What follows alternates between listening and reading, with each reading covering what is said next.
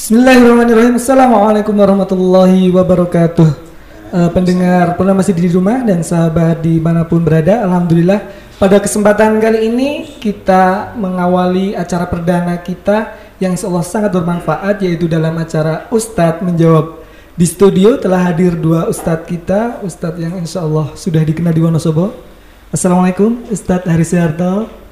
Waalaikumsalam warahmatullahi Bagaimana kabarnya Ustadz Haris? Sehat? Alhamdulillah sehat. Ya, terima kasih. Yang kedua ada Ustadz Endang Ambali. Assalamualaikum Ustadz. Waalaikumsalam Sehat, warahmatullahi Ustaz? Alhamdulillah. Alhamdulillah. Dua Ustadz telah hadir di studio kali ini. Kita akan ngobrol-ngobrol santai berkaitan dengan eh, permasalahan ataupun acara-acara yang ada di sekitar ataupun lingkungan kita.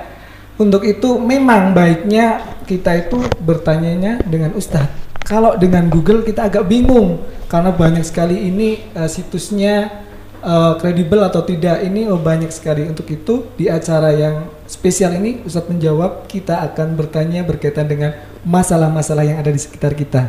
Saya akan membacakan sebuah ayat Al-Quran. Fas'alu ahla dzikri in kuntum la ta'lamun. Artinya maka tanyakanlah kepada orang yang berilmu jika kamu tidak mengetahui. Untuk itu dalam sesi kali ini akan ada eh, tausiah materi yang akan disampaikan oleh beliau Ustadz Haris Suharto kepada Ustadz Haris kami persilahkan Assalamualaikum warahmatullahi wabarakatuh. Waalaikumsalam warahmatullahi wabarakatuh. Alhamdulillah salatu wassalamu ala Rasulillah. Asyhadu an la ilaha illallah wahdah anna Muhammadan abduhu wa rasuluhu la nabiyya ba'dah. Alhamdulillahi rabbil alamin kita panjatkan puji syukur kepada Allah. Kita wajib mensyukuri nikmat Allah dan sekaligus kita bersabar dengan apa pun yang Allah kehendaki. Situasi yang semacam sekarang sedang kita alami adalah suatu situasi yang dikehendaki oleh Allah. Maka di situlah letak siapa yang bersabar, siapa yang bersyukur sedang dipantau dan dimonitor oleh Allah. Semoga kita tergolong orang-orang yang bersyukur dan bersabar itu. Para pendengar bernama Siti yang saya hormati, memang ada hal yang tadi disampaikan bahwa persoalan-persoalan sering kali membingungkan kita.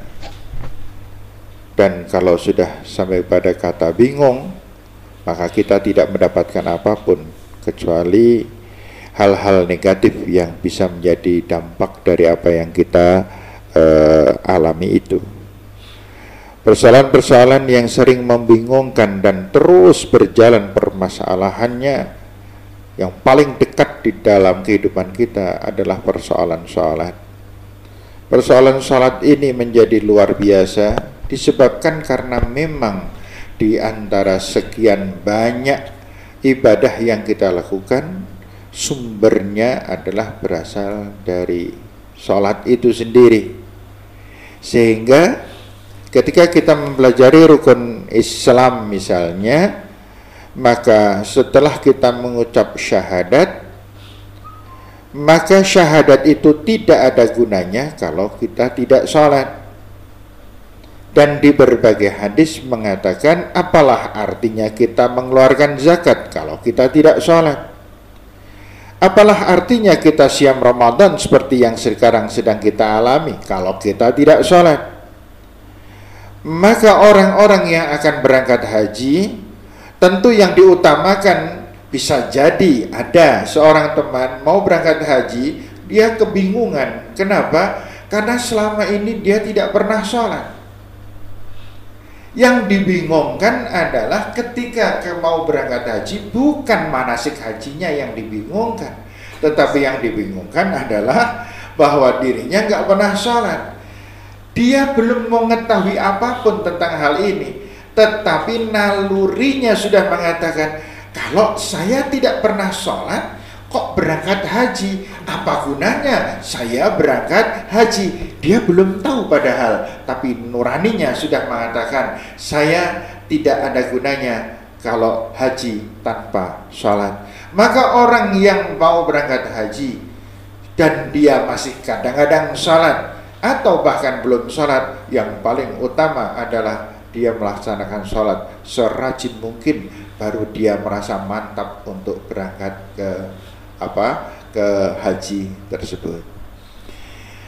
Para pendengar yang saya hormati, yang disayang oleh Allah semoga ya Allah amin kita semuanya kembali memahami bahwa persoalan sholat adalah persoalan yang paling tinggi nilainya karena di dalam sholat sebagaimana yang Rasul pernah mengatakan di dalam sebuah hadis yaitu as-salawatul hams wal jum'ah ilal jum'ah war ramadan ila ramadan Mukafirati ma bainahunna idza batil kabair.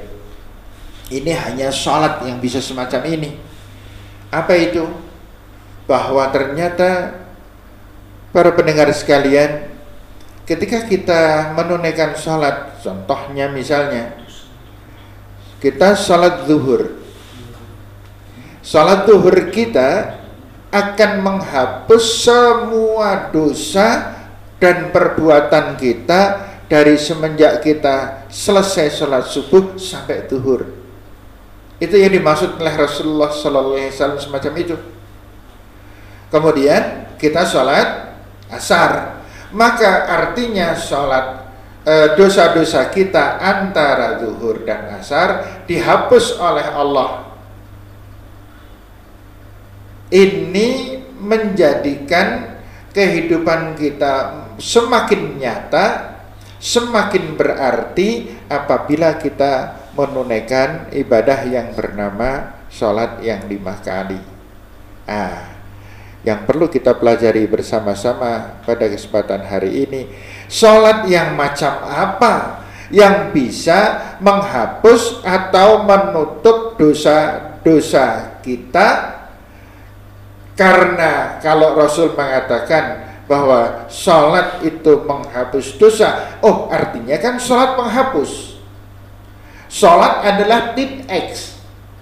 Kalau saya mengatakan penghapus mungkin bisa dikatakan salah. Tapi sholat itu adalah merupakan tip X. Dan tip X itu mempunyai kualitas yang berbeda-beda. Atau penghapus itu mempunyai kualitas yang tidak sama. Ada yang kecil, harganya mahal ada yang sangat besar, harganya sangat murah, tetapi tidak berkualitas. Ada ketika saya menulis, kita menulis, kemudian kita mengambil setip, maka kebersihan dari yang kita tulis itu sangat tergantung dengan setipnya. Ada setip yang untuk menghapus bukannya tambah hilang, tetapi semakin bahkan ada yang sampai berubah namun ada setip yang dengan efektif sangat pandai menghapus apa yang menjadi uh, tulisan dan kesalahan kita. Nah, di samping saya di sini ada Ustadz Endang dan ada uh, Pak Nanang yang sebagai moderator. Kalau nanti di dalam perjalanan saya menyampaikan ini mungkin ada keliru, ada salah, atau ada bahkan ada pertanyaan silahkan silahkan aja saya dipotong tidak apa-apa karena ini situasinya serba luas dan serba bebas dan uh, semoga para pendengar juga bisa maklumi mendengarkan ini materi ini pun juga dengan santai saja. Silahkan monggo ditinggal masa sambil berpin apa sambil punya acara apa. Karena kita mempunyai acara ini tidak dibuat secara formil jadi secara leluasa saja. santai ya pak ya? Iya santai aja. Nah kembali lagi sebentar. Saya akan sampaikan sedikit saja dulu setelah itu kita bincang-bincang makna dari sholat yang perlu kita pahami bersama-sama adalah bahwa sholat itu pembersih. Ini harus kita pahami bersama-sama dan harus dijiwai sebenar-benarnya. Nah, kalau kemudian sebagai kata pembersih, maka Allah Subhanahu wa taala mengatakan satu definisi yang jarang sekali orang mempunyai kekuatan di dalam hal ini kecuali orang-orang yang sudah benar-benar mempelajarinya. Yaitu definisi itu sederhana sekali disampaikan oleh Allah dalam sebuah ayat yang sangat pendek. Inna salata tanha anil fakhsha wal munkar. Salat ialah saya bentukkan definisi di sini. Salat ialah satu perbuatan yang apabila orang sudah menunaikan perbuatan tadi yaitu salat maka orang itu akan tanha anil faksha wal mungkar dia sudah tidak mau berbuat perbuatan yang keji yang mungkar yang dosa yang maksiat. Itu adalah salat. Nah sekarang para pendengar sekalian yuk kita tolak ukur diri kita. Sudahkah kita salat sesuai dengan yang dikehendaki Allah yaitu kita salat dan setelah selesai sholat kita tidak mau melakukan perbuatan keliru enggan melakukan perbuatan maksiat pengendalian marah semakin pandai kita lakukan dan keinginan-keinginan untuk berbuat baik semakin tinggi membara di dalam jiwa kita dan semakin tinggi pula semangat kebaikan kita semakin rendah pula semangat melakukan perbuatan jelek kita maka itulah yang dinamakan sholat. Artinya kita sudah dan sedang sholat. Nah ini yang harus direnungkan oleh kita bersama-sama sehingga hal-hal yang semacam ini harus terus dikaji dan terus dikaji. Nanti insya Allah di akhir uh, materi kita pada kesempatan ini kita akan bahas tentang bagaimana agar sholat kita bisa benar-benar masuk dalam jiwa kita sehingga sholat kita adalah gerak dan langkah hidup kita. Tadi sepertinya Pak Nanang atau Ustaz Nang yang mau saya saya, saya akan mencoba uh, uh, sedikit merefresh ke belakang tadi yang disampaikan oleh Ustaz berkaitan dengan sholat itu adalah bagikan penghapus Ustaz ya. Berkaitan ini itu pula bagaimana mungkin di tengah-tengah kita kadang-kadang muncul satu kebimbangan pada saat kita sudah mau mulai melaksanakan ibadah sholat. Namun juga sulit Ustaz untuk meninggalkan yang nggak boleh itu. Terus bagaimana sholat kami ini? Apakah kami harus berlanjut sholatnya itu? Ataukah karena kalau meninggalkan yang nggak boleh itu kadang-kadang kan sulit. Nah di lapangan kita bertemu dengan hal yang semacam itu Ustaz. Terus solusi kita di posisi yang semacam itu gimana ya tanya itu anda ada istilahnya itu anda hmm. STMJ Seko, uh, sholat terus, terus? maksiat jalan. Bener itu kayaknya. Itu betul STMJ itu bagaimana Ustaz? Emang itu kalau keadaan seperti itu di lapangan dan kadang saya juga aduh bagaimana ya melaksanakan kayaknya kadang-kadang kita juga ngerasain gitu ya. TMJ pendengar sekalian yang saya hormati apa yang disampaikan oleh Ustaz Endang dan yang dibincang oleh Pak Nanang tadi sebenarnya merupakan isi hati kita semuanya. Beliau mewakili para pendengar semuanya tentang betapa berat dan berat betapa sulitnya. Di satu pihak kita sholat namun di satu pihak kita sulit sekali mengendalikan amarah. Kita sulit sekali mengendalikan hawa nafsu kita untuk melakukan perbuatan keliru salah, dosa khianat, bohong dan lain sebagainya. Yang perlu kita fahami pertama kali satu kita optimis. Yang kedua, kita husnudan kepada Allah. Yang ketiga, kita harus masuk dalam lingkup yang dinamakan proses. Sebaik-baik orang adalah orang yang masih merasa selalu berbuat salah dan keliru. Itu yang paling baik. Yang paling disesali adalah orang yang sudah merasa dirinya hebat, merasa dirinya sempurna, merasa dirinya baik, sehingga ketika berurusan dengan kaitan sholat, dia sudah merasakan beres. Padahal dia belum melakukan hal yang dikehendaki oleh Allah. Inilah fungsinya mengapa kita harus belajar. Terus kita belajar agar kita benar-benar bisa memahami dan kemudian mengambil intisari dari pelajaran dan kemudian kita bisa melaksanakan. Sekali lagi melaksanakan dalam artian proses pula. Sehingga diharapkan kelak suatu saat nanti kita dipanggil oleh Allah kita sudah dalam proses yang semacam itu dan selama kita dalam proses itulah yang dinamakan husnul khatimah insya Allah jadi tidak ada orang yang sempurna selesai sholat plus tidak melakukan perbuatan keliru dan dosa. Itu tidak ada yang sempurna dalam arti 100% masih ada hal-hal yang keliru. Yang bisa semacam ini saya kira hanya Rasulullah Sallallahu Alaihi Wasallam yang sudah memang dibersihkan dari sejak kecil oleh Allah Subhanahu Wa Taala. Sementara kita kan belum pernah dibelah dadanya oleh malaikat, makanya kita bisa keliru dan bisa salah. Namun Allah memberikan way outnya selalu yaitu apabila kita melakukan keliru dan salah sadar ingatlah pada Allah gitu wa idza fa'alu fahishatan au zalamu anfusahum zakrallah fastaghfaru lidunubihim. Begitu kita keliru begitu kita salah maka Allah memberikan jalan keluarnya. Ingat pada Allah.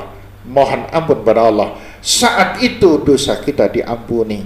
Dan kita telaten, kita continue, kita istiqamah di dalam menjiwai persoalan ini. Insya Allah, insya Allah kita menjadi orang yang optimis di hadapan Allah Subhanahu wa ta'ala sebanyak apa pun dosa yang kita lakukan ya Pak Anang karena iya. selama kita masih menjadi manusia celah-celah untuk berbuat dosa itu akan selalu muncul iya. akan selalu ada iya. yang kadang-kadang kita pun mengakui bahwa sesungguhnya kalau mau dihitung-hitung kayaknya kok dari 24 jam waktu yang diberikan Allah kepada kita lalu kita sholat beberapa saat sedangkan dosanya malah banyak banget gitu nah di posisi ini Alhamdulillah kalau Allah menghadirkan sholat buat kita sekalian yang tadi juga Ustaz sampaikan bahwa sholat itu akan menghapus seluruh dosa-dosa kita yang telah kita lalui antara subuh dengan duhur, antara duhur dengan asar.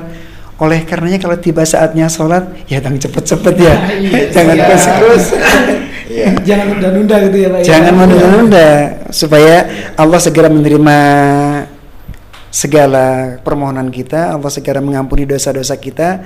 Kemudian andai pun pada saatnya, berarti kita tidak perlu pesimis, Ustaz ya? Iya. Pada saatnya Allah panggil, maka akan dimudahkan oleh Allah Subhanahu Wa Taala. Mudah-mudahan demikian ya. Iya. Yang paling pasti itu kan sebenarnya kesadaran kita bahwa kita manusia biasa, kita sering melakukan kesalahan, sebagaimana Nabi Yunus pernah mengatakan eh, La ilaha illa anta subhanaka inni kuntu minad zalimin Tidak ada bedanya antara kita dengan Nabi Yunus. Kalau beliau adalah seorang Nabi yang masih melakukan kekeliruan dan kesalahan Beliau menyebut sebagai diri sebagai seorang yang selalu berbuat zalim Apalagi kita. Yang kita tidak punya pangkat apa-apa, kita tidak ada status apa pun di hadapan Allah, kita hanya sekedar hamba, benar-benar hamba yang tidak ada bedanya dengan siapa pun di uh, di semua uh, lini kehidupan kita. Maka dari itu kemudian uh, syukur kita kepada Allah adalah kita yang suka keliru, kita suka salah ini, kemudian kita diberi kewajiban yang dinamakan sholat. Ini yang menetralisasi semua hal kita. Saya membayangkan seandainya Allah tidak memberikan uh, kewajiban untuk kita sholat, saya kok pesimis. Mampukah kita mendapatkan ampunan dari Allah Subhanahu wa Ta'ala? Padahal Allah Subhanahu wa taala mengatakan, "Ud'uni astajib lakum." Itu kan yang dimaksudkan sholat. Minta kamu kepadaku, aku beri apa yang kamu minta. Yang dimaksudkan adalah sholat. Karena sholat itu doa. Sholat itu sendiri adalah doa. Dan ketika kita memohon dari Allah Subhanahu wa taala di dalam sholat kita, silahkan eh, dilihat isi doa-doa bacaan di dalam sholat, isinya semuanya adalah rangkaiannya ridha Allah Subhanahu wa taala antara rahmah, maghfirah gitu. Ya, kemudian dicukupi rezeki kita, dicukupi kehidupan kita. Seluruhnya isinya adalah doa. Maka seorang nah ini ketemu satu jawaban jadinya. Siapa orang yang sholatnya benar atau paling tidak mulai benar? adalah orang yang salat dan dirinya sedang berdoa kepada Allah Subhanahu wa taala. Bukan orang yang salat sekedar melaksanakan wajib, saya sudah salat asar, alhamdulillah selesai masalah. Kemudian saya salat maghrib, selesai masalah. Kemudian aku ki paling ayam nek salat isya. Gitu kan? Nah, sering ini ini hal yang harus kita sadari bersama-sama bahwa sholat bukan kebutuhan Allah. Sholat itu kebutuhan kita. Kita kita yang matur nuwun banget kepada Allah panjenengan kok ya memberi jalan ini menjadi formula ini untuk menjadikan alasan mengapa aku mengapa hamba diampuni dari dosa-dosa antara waktu dengan waktu sholat yang lain selama kita selalu ingat kepada Allah berikhtiar semaksimal mungkin yaitu setelah selesai sholat asar maka artinya kita tidak berbuat dosa, keliru, salah sampai maghrib. Karena sesungguhnya waktu sholat asar adalah dari kurang lebih jam 3 sampai dengan jam setengah 6 itu waktu sholat asar. Sehingga ketika kita sholat, Rasul mengatakan as-salatu ala waktiha. Di awal waktu maksud tujuannya agar Allah berkesempatan. Saya menggunakan bahasa ini. Agar Allah berkesempatan memberikan ampunan-ampunan untuk dosa-dosa kita sehingga mendapatkan kita mendapatkan kesempatan berbuat sholat di awal waktu berbuat baik mengisi waktu sholat sampai selesai sholat itu dengan kebaikan-kebaikan dan menghindar dari perbuatan keliru serta beristighfar sampai dengan maghrib. Maka waktunya sholat maghrib adalah sekitar jam setengah enam sampai dengan jam eh, jam tujuh. Artinya kita tidak berbuat keliru salah dan dosa selama jam setengah enam sampai dengan jam tujuh Begitu dan seterusnya. Kalau ini dilakukan selama 5 kali 24 jam, saya sekarang bisa menjawab manusia sudah tidak punya dosa. Itu yang disebut juga yang dalam Al-Qur'an inna salata tanha 'anil fahsya wal munkar. Iya. Ketika sholat itu dilaksanakan sebagaimana Ustaz tadi sampaikan dan sholat adalah bagian dari doa Salat adalah permohonan kepada Allah Subhanahu wa taala yang ud'uni astajib lakum adalah ketika kita melaksanakan ibadah salat. Yeah. Dan kita juga barangkali sempat teringat bagaimana Nabi Allah Adam alaihissalam yang selalu beliau sampaikan kepada Allah Subhanahu wa taala begitu selesai berbuat dosa Rabbana ya Rabbana dzalamna anfusana wa illam taghfir lana wa tarhamna lanakunanna minal khasirin Klub ketika kita tidak dihadirkan sholat oleh Allah Subhanahu Wa Taala, kita mau apa ya? Yeah. Mau gimana? Yeah. Haji ya belum tentu bisa berangkat ke sana, zakat belum tentu mampu kita mengeluarkannya, tapi dengan sholat, insya Allah mudah-mudahan kita bisa ada jalan. Sholat itu sebuah anugerah ternyata. Anugerah yeah. yang luar biasa. Tidak hanya kalau kita kan dulu menganggapnya sholat, ya Allah saya belum sholat ini bagaimana? Seakan beban ternyata tadi yang disampaikan Ustadz Haris ditambah Ustadz Endang ternyata luar biasa sekali anugerah yang Allah berikan untuk menutupi dosa kita jadi untuk sahabat Purnamasi di di rumah optimis aja udah ada beberapa penjelasan yang sangat gamblang ternyata sholat itu dapat menghapus menutupi tadi ya dosa-dosa yeah. yang telah kita lakukan Untuk itu yang belum sholat, ayo siapa? uh, untuk sahabat pernah masih di, di rumah ataupun di mana pun berada, jika ada pertanyaan silahkan bisa hubungi kami chat di WhatsApp 085 292 117 722. Saya ulangi 085 292 117 722. Ya, kita lanjut lagi. Itu bisa bisa nanya kita maksudnya? Boleh. Oh, gitu ya? Kan kita udah ada dua ustadz di sini. Oh. Oke, oke, terima kasih. Baik, kemudian ada satu hal yang eh, sama-sama kita pahami bahwa sholat ini melebur semua ke, ke, ke, kekeliruan kita, kesalahan kita. Semua dilebur oleh sholat. Kalau siam Ramadan dikatakan bisa menghapus semua dosa. Semua dosa bisa dihapus di bulan Ramadan. Dengan syarat sholat yang pandai menghapus dosa. Dengan syarat pengendalian hawa nafsu. Dengan syarat pikiran yang bersih dan tidak ngeres selama 24 jam kali 30 hari dengan syarat menunaikan sholat yang diusahakan sempurna meskipun kita tidak pernah sempurna. ketika sholat dilaksanakan dengan seperti itu bahkan berakibat kepada diterimanya permohonan kita untuk dihapuskan segala dosa-dosa kita di Ramadan ini. Berarti sholat itu sentral sekali ya bisa yeah. berhubungan erat dengan Ramadan, yeah. berhubungan erat bahkan dalam ayatnya dengan zakat. Yeah dengan haji dan seterusnya berarti ya. Uh, untuk memudahkan saja, saya sering merenungkan bahwa sholat itu seperti jari jemari kita, persis seperti jari jemari kita. Bahwa syahadat itu seperti jempol. Ini. Tapi jari jemari, eh, jari gini, jari jemari ini akan menjadi akan menjadi berfungsi kalau ada jempol.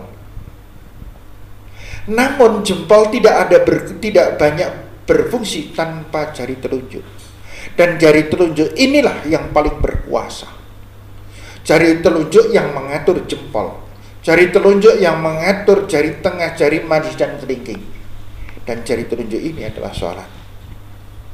Jari telunjuk inilah yang kemudian menentukan arah ke mana pun hidup manusia. Itu jari telunjuk. Gitu. Sehingga uh, dalam peristiwa contoh ini kita bisa ambil kesimpulan bahwa sesungguhnya sesungguhnya ini ini ini saya tidak merubah ini hanya falsafah saja sesungguhnya rukun Islam itu hanya dua tanda kutip ya Ustadz ya. Dalam tanda kutip tanpa ini ini nggak boleh dipotong loh ya. Ini ini hanya sebagai um, memudahkan. memudahkan. Ya, yaitu syahadat dan sholat. Di mana sholat itu akan terinterpretasi dengan zakat puasa dan haji. Itu ber, berinduknya di dalam sholat. Sholat yang bermakna doa, bermakna pengabdian, bermakna penyerahan itu ada di dalam zakat, ada di dalam haji, ada di dalam siam Ramadan. Hmm. Sementara syahadat yaitu prinsip. Syahadat itu fondasi. Syahadat itu apa pun harus di atas syahadat. Makanya kemudian syahadat adalah yang pertama sehingga kalau kalau sudah berbicara semacam ini, maka sholat tanpa iman akidah yang kokoh keyakinan pada Allah yang kuat tidak akan pernah menjadi sholat.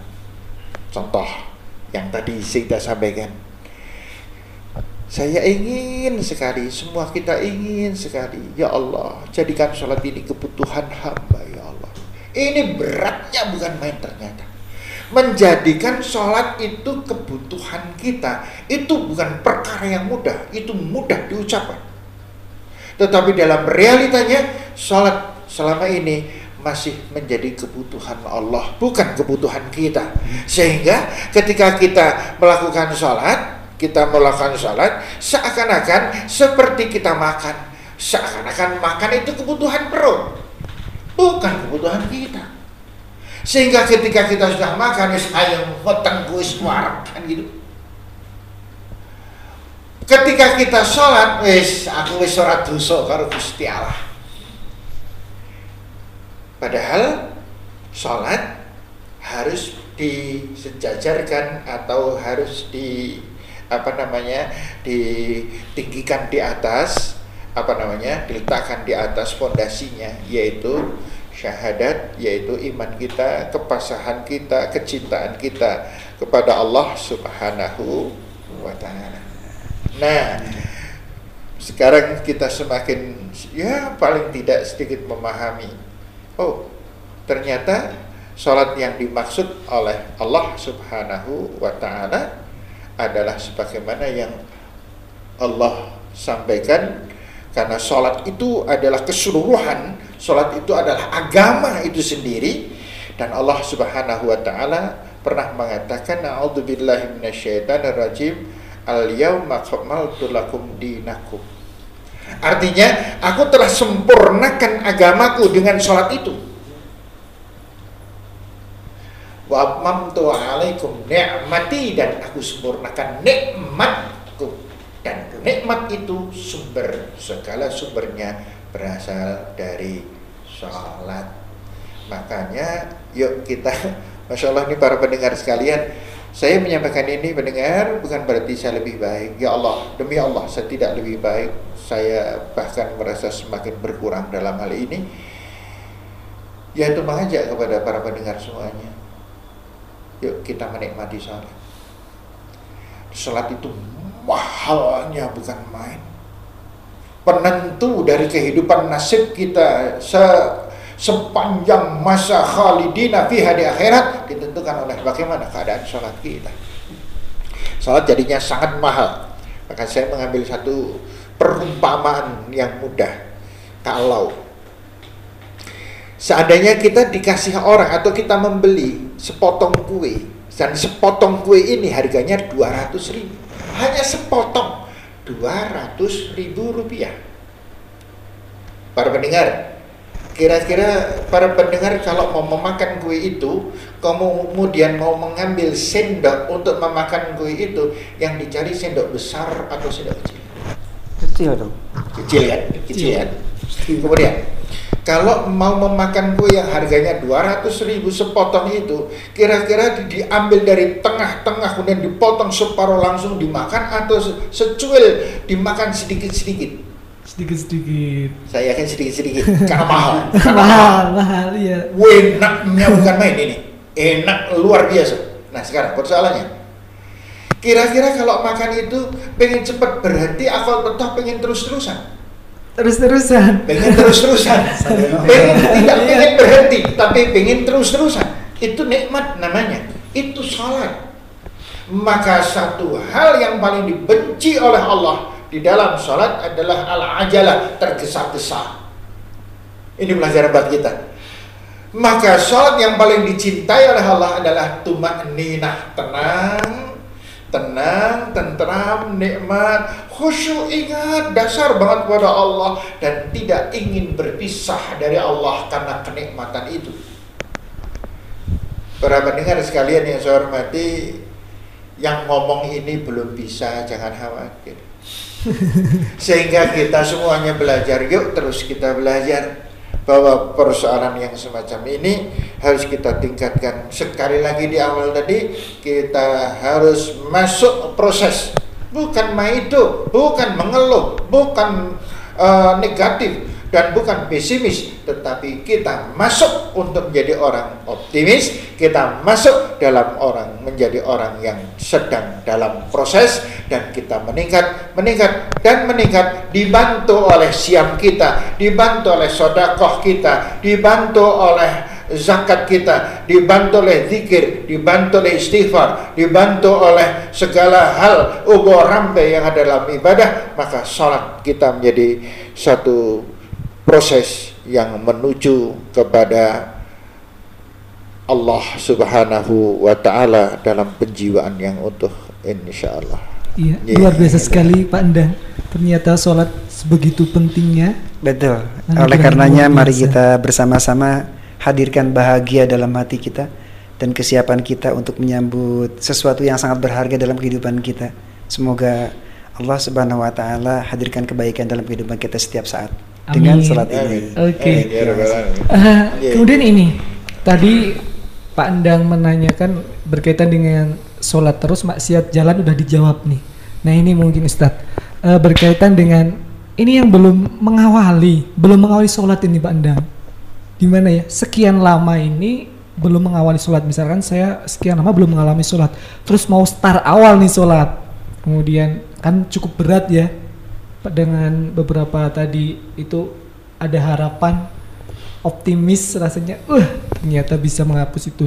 Kemudian dengar-dengar juga kalau kemarin saya nggak sholat misalkan harus ada kodoknya gitu. Berapa lama nih? Saya nggak kan nggak bisa ngitung. Nah itu mungkin Ustadz bagaimana cara saya mengkodoknya? Iya betul betul sekali. Problematika banyak teman ini, banyak memang teman-teman kita yang kadang-kadang berbisik-bisik. Saya ini kalau sholat ada yang mengatakan Ustadz saya itu sholatnya kadang-kadang Ustadz. Sekarang saya sudah sadar banget bahwa saya itu harus sholat. Kalau yang kadang-kadang itu terus terus gimana? Apakah saya harus mengkodok? Atau atau bagaimana sebenarnya? Padahal lupa hitungannya Lupa berapa itu ada, ada orang eh ada ada orang mau sholat itu sudah di atas 50 tahun. Ada yang 60 tahun. Saya bahkan pernah eh, semoga Allah mengampuni dosa-dosa beliau. eh, orang masuk Islam minta disyahadatkan itu di usia berapa? Di usia 84 tahun. luar biasa Dia tadinya muslim menikah dengan non muslim kemudian eh, dia masuk kembali ke dalam Islam di usia 84 tahun. Dan saya tersenyum pada waktu itu tapi senyum saya adalah tetesan air mata. Kenapa? Saya bahagia betul. Betapa beruntungnya orang ini. Sekian tahun, sekian puluh tahun beliau ini mengalami satu situasi yang tidak diridhoi oleh Allah. Namun di akhir hayatnya beliau mendapat hidayah dari Allah. Padahal kalau mendapat hidayah dari Allah dan kemudian dia kembali kepada Allah, semua dosa-dosanya diampuni oleh Allah Subhanahu wa taala. Contoh yang paling mudah. Si A beragama Nasrani. Ini saja atau jangan eh, non muslim kita janji. Si A beragama non muslim. Kemudian ketika eh, si A ini berusia katakanlah 70 tahun. Si A ini masuk Islam. Maka pada usia 70 tahun itulah dia dilahirkan. Malaikat selama ini mencatat hanya mulai dari dia bersyahadat. Ada dosa dan ada pahala. Sementara sebelum 70 tahun semuanya itu adalah dosa dan semuanya di zero kosongkan oleh Allah Subhanahu wa taala. Hal itu barangkali seperti yang dialami oleh beliau para sahabat kita, sahabat Betul. Rasulullah. Sahabat Kita. Rasulullah. Pada Iya. masa itu di masa Rasulullah ada seorang sahabat yang benar-benar kayaknya kalau nggak berbuat dosa itu mana gitu, nggak marah, Nggak marah sampai wah naudzubillah min dalik. Dan begitu masuk Islam maka Allah Subhanahu Wa Taala start from the first dinolkan oleh Allah Subhanahu Wa Taala. Ya. Nggak usah jauh-jauh Umar bin Khattab. Umar bin Khattab sebelum masuk Islam saya mungkin kan banyak dosanya. Begitu masuk Islam semuanya habis. Demikian pula apalagi demikian pula apalagi orang yang tidak pernah sholat, orang yang jarang sholat, orang yang sholatnya acak-acakan, yang selalu terlambat, yang selalu ngalamun, yang selalu ini, kan lebih ringan dibandingkan orang yang belum masuk Islam. Umar bin Khattab membunuh. Umar bin Khattab melakukan hal-hal ini contoh saja.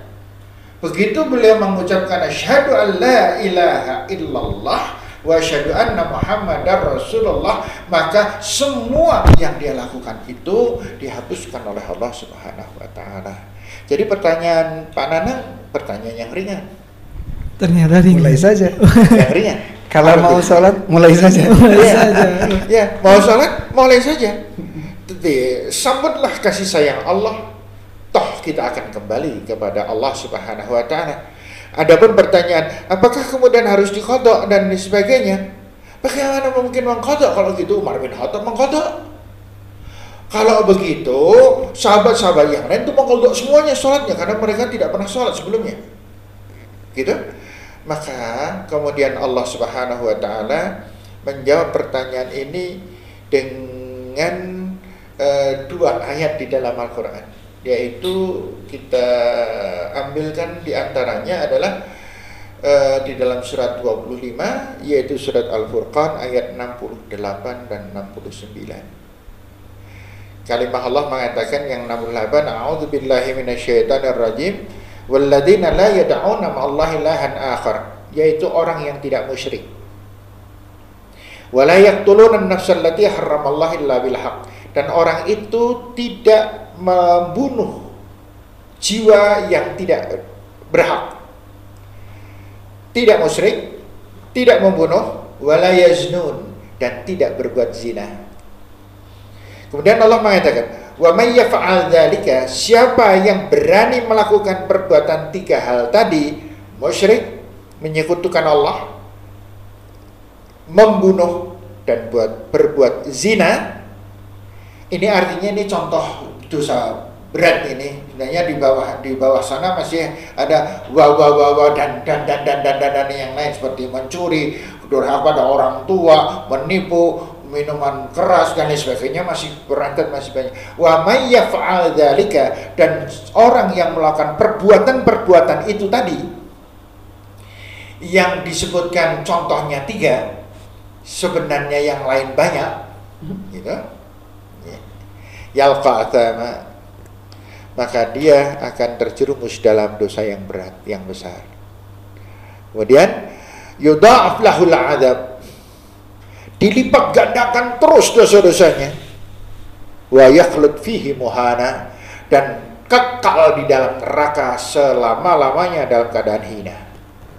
Ini siapa yang melakukan? Musyrik, kemudian membunuh, kemudian zina, kemudian mencuri, minuman keras, durhaka kepada orang tua, menipu, sumpah palsu dan lain sebagainya, khianat dan seterusnya maka orang yang semacam ini akan dihinakan oleh Allah di dalam siksa yang selama-lamanya dan terus dilipat gandakan dosanya. Bagi siapa? Bagi yang tidak bertaubat. Karena Allah Subhanahu wa taala kemudian mengatakan illa kecuali. Di sinilah kasih sayang Allah Subhanahu wa taala. Orang-orang yang mendapat hidayah padahal dia melakukan perbuatan dosa mendengar ayat ini akan tersungkur dia. Betapa besarnya kalimah dan kasih sayang yang Allah berikan kepada seluruh manusia yang berbuat dosa illa man taba wa amana wa amila amalan salihah kecuali orang yang bertaubat Yang di dalamnya taubat itu ada Ya. sholat ya Ustaz ya? Nah, nah gitu kan. Ya. Di dalamnya bertobat itu adalah ditandai dengan sholat. Amana wa amila amalan sholihah. Beriman penuh syahadat kuat. Kemudian beriman dalam wa amila amalan sholihah dan melakukan perbuatan amal soleh dan amal soleh itu sumbernya di dalam sholat apa yang terjadi? Kalau ini terlakukan tobat iman amal soleh dilakukan terus Allah Subhanahu wa taala yang mengatakan sendiri. Ini dimasukkan sudah masuk ayat 29 Al-Furqan Allah kemudian mengatakan faulaika yubaddilullahu sayyiatihim hasanat maka mereka-mereka itulah yubaddil diganti, dirubah, dibalik sayyiatihim dosa-dosa kejahatan kekeliruan mereka hasanat menjadi perbuatan yang baik menjadi pahala. Dan kasih sayang mana yang ada di dalam kehidupan kecuali dari Allah Subhanahu wa taala saya saya berbuat zina, saya membunuh orang, saya berbuat musyrik besar sekali dosanya. Kemudian saya bertobat, dosa yang sebesar itu dirubah menjadi pahala menjadi menghantarkan saya ke dalam surga Allah Subhanahu wa taala. Masya Allah. Luar biasa. Makanya ini kan kan saya saya benar-benar mengajak nih kepada teman-teman kita, saudara-saudara kita, para pendengar sekalian, yuk jangan terlambat sebab kita tidak tahu kapan Allah akan memanggil kita. Demi Allah, yang muda tidak optimis akan usia panjang. Iya, yang, yang tua yang tua sudah jelas hampir hampir didatangi oleh malaikat sehingga tidak ada alasan buat kita untuk menunda menunda sholat. Insya Allah kesempatan kita akan yang akan datang kita akan bahas satu topik berkaitan dengan sholat tetap yang dihubungkan langsung dengan makna dan arti bertaubat kepada Allah Subhanahu wa taala. Insyaallah. Karena kita banyak dosa itu.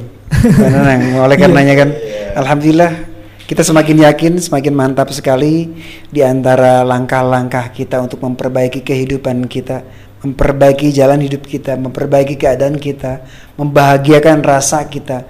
Di antaranya adalah paksakan kita dengan sholat sebisa yang bisa kita lakukan tentunya seperti itu. Ya, luar biasa sekali ternyata Allah Maha Pengampun dengan dosa yang bejibun banyak. Allah menyediakan ampunan yang luar biasa dan diubah menjadi uh, pahala. Dan kayaknya ini bincang-bincangnya waktunya udah mau habis, Ustadz. Mungkin ada beberapa patah kata yang mau disampaikan, Ustadz Haris?